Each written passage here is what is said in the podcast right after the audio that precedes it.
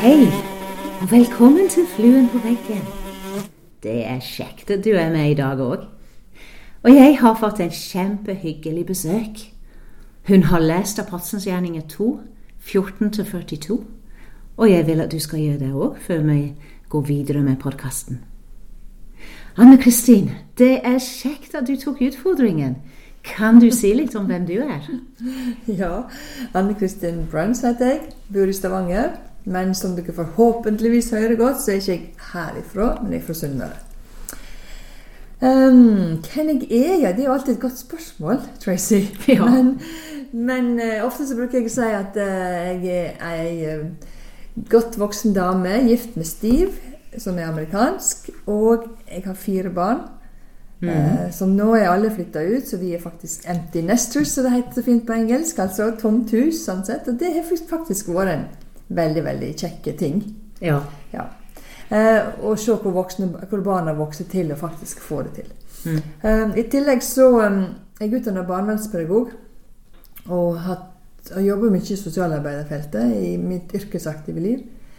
Men de siste ti åra har jeg vært engasjert i KrF i Stavanger. Sittet i kommunestyret og i ulike, ulike utvalg. ja. Og vært litt sentralt sånn i forhold til organisasjon. Og så har jeg også ja, jobba mye med KrF-politikk, da. Hvordan det kan se ut i vårt samfunn. Ja. Så det er liksom min. Og nå, og nå er jeg jo opptatt av mange ting, men kanskje den tingen jeg er mest opptatt av nå, at nå, det er liksom relasjon barn-foreldre, og hvor viktige vi foreldrene er. Så det er Ja. en sånn headlight. Mm. Spennende. Ja. Men du tok utfordringen, og, og du har lest den teksten. Og jeg er spent på hva du stoppet opp med når du leste den. Ja, Det er jo en utrolig innholdsrik tekst. Og jeg bare tenkte meg først Oi, oi, oi. Nei, her er det mye å ta tak i. Ja. Men det som jeg først tenkte på, det var Peter. Mm. Altså, Jeg kjenner jo nesten ikke igjen i forhold til tidligere historier om Peter.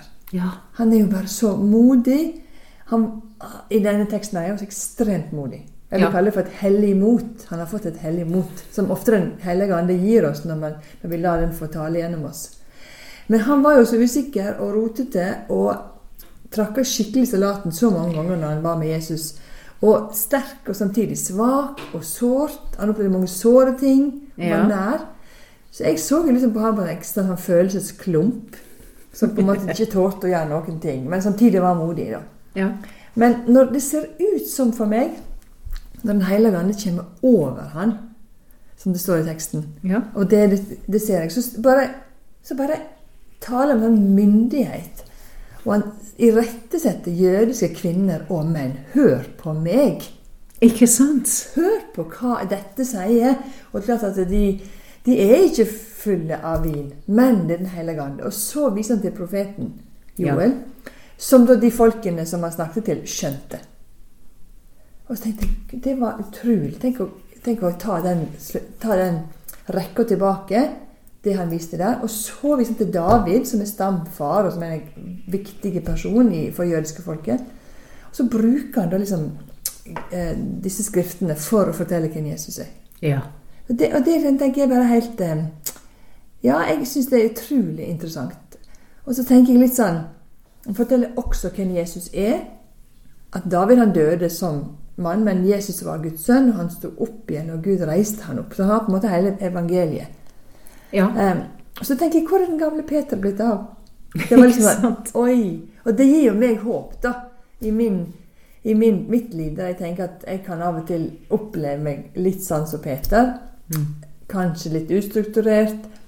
Kanskje litt ikke følelsesstyrt, men i alle fall kan jeg kjenne det i magen, de forskjellige ting. Jeg kan kjenne at dette var utfordrende.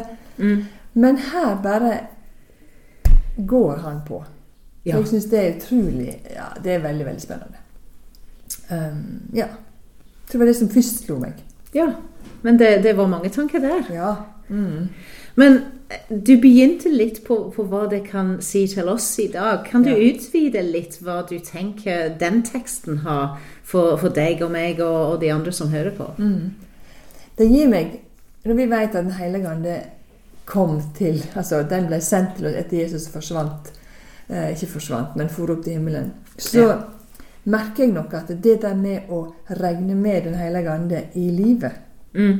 eh, og at en kan det der, det der begrepet hell, altså En ting er være modig, det kan vi jo synes kan være utfordrende. Men det å jo et hellig mot Ja. det Holy boldness på engelsk, eller hellig mot, det kjenner jeg på at jeg må be om å få. Og Ja. det betyr at jeg av og til, når jeg kanskje ikke føler meg så veldig modig i meg sjøl, så kan jeg be om at Gud må gi meg det motet. Og da kan det være f.eks. at han legger ordene i min munn. Ja. At jeg tør å stole på at her må jeg si noe, men jeg vet faktisk ikke akkurat hva jeg skal si. Men at Gud legger ordene i min munn. Og det kan være både i, i En ting kan være i familien hvis det er ting som er utfordrende. Men det kan også være når du skal snakke til folk og diskutere ting og til politikken. Ja. Og så er det av og til at jeg bare tenker dette vet jeg ikke hva jeg skal svare på, men nå bare tar jeg sjansen på at det jeg sier, kommer til Altså du har jo en tanke om det, men at du tør å si det. Ja. Eh, og jeg tror det, Gud kan minne oss på at han kan legge sine ord i vår munn, både i det hverdagslige, når du står overfor utfordringer på jobben, i familien, Mm. om du så skal si ting i en debatt eller skrive ting, så jobber Gud på innsida. Jeg syns det er så betryggende å Mm. ha den tanken på at Gud er med og hjelper til. Ja. At vi står ikke alene, spesielt når vi skal si et eller annet eller gjøre et eller annet. Mm. Ja. Ja, det er det. Og så klart at det, eh, Peter han, han minner oss på hvem Jesus er, og han utfordrer til et oppgjør. ja. Og så inviterte han inn. Mm. Så han på en måte og tenker at Det der med å oppdage hvem er det, hvem er det vi er i Kristus, og hvor, hvordan, hva er det som styrken vi har Og det er jo oss han har på denne jorda. Ja. Både for å fortelle hvem han er, men ikke minst også invitere inn, og invitere til et oppgjør. Kanskje endre livsstil. Eller, det er mange ting her. Og så ble jo 3000 døpt, så det er jo helt Det er Ufattelig. helt vilt. Ja, det er helt vilt. Og det sier vi noe, for en vanvittig kraft det er når Gud taler gjennom oss. Ja. Ja. Så det er liksom det som er eh, Det det som jeg sitter igjen med som kanskje den største oppmuntringen, da. Mm. Selv om jeg ikke har sett når jeg talt at 3000 blir drept. Og jeg vet ikke, jeg vet ikke hva, hva, alltid hva de har ført til, det du har sagt. Så det er jo Peter heldig. Han får jo så stort resultat.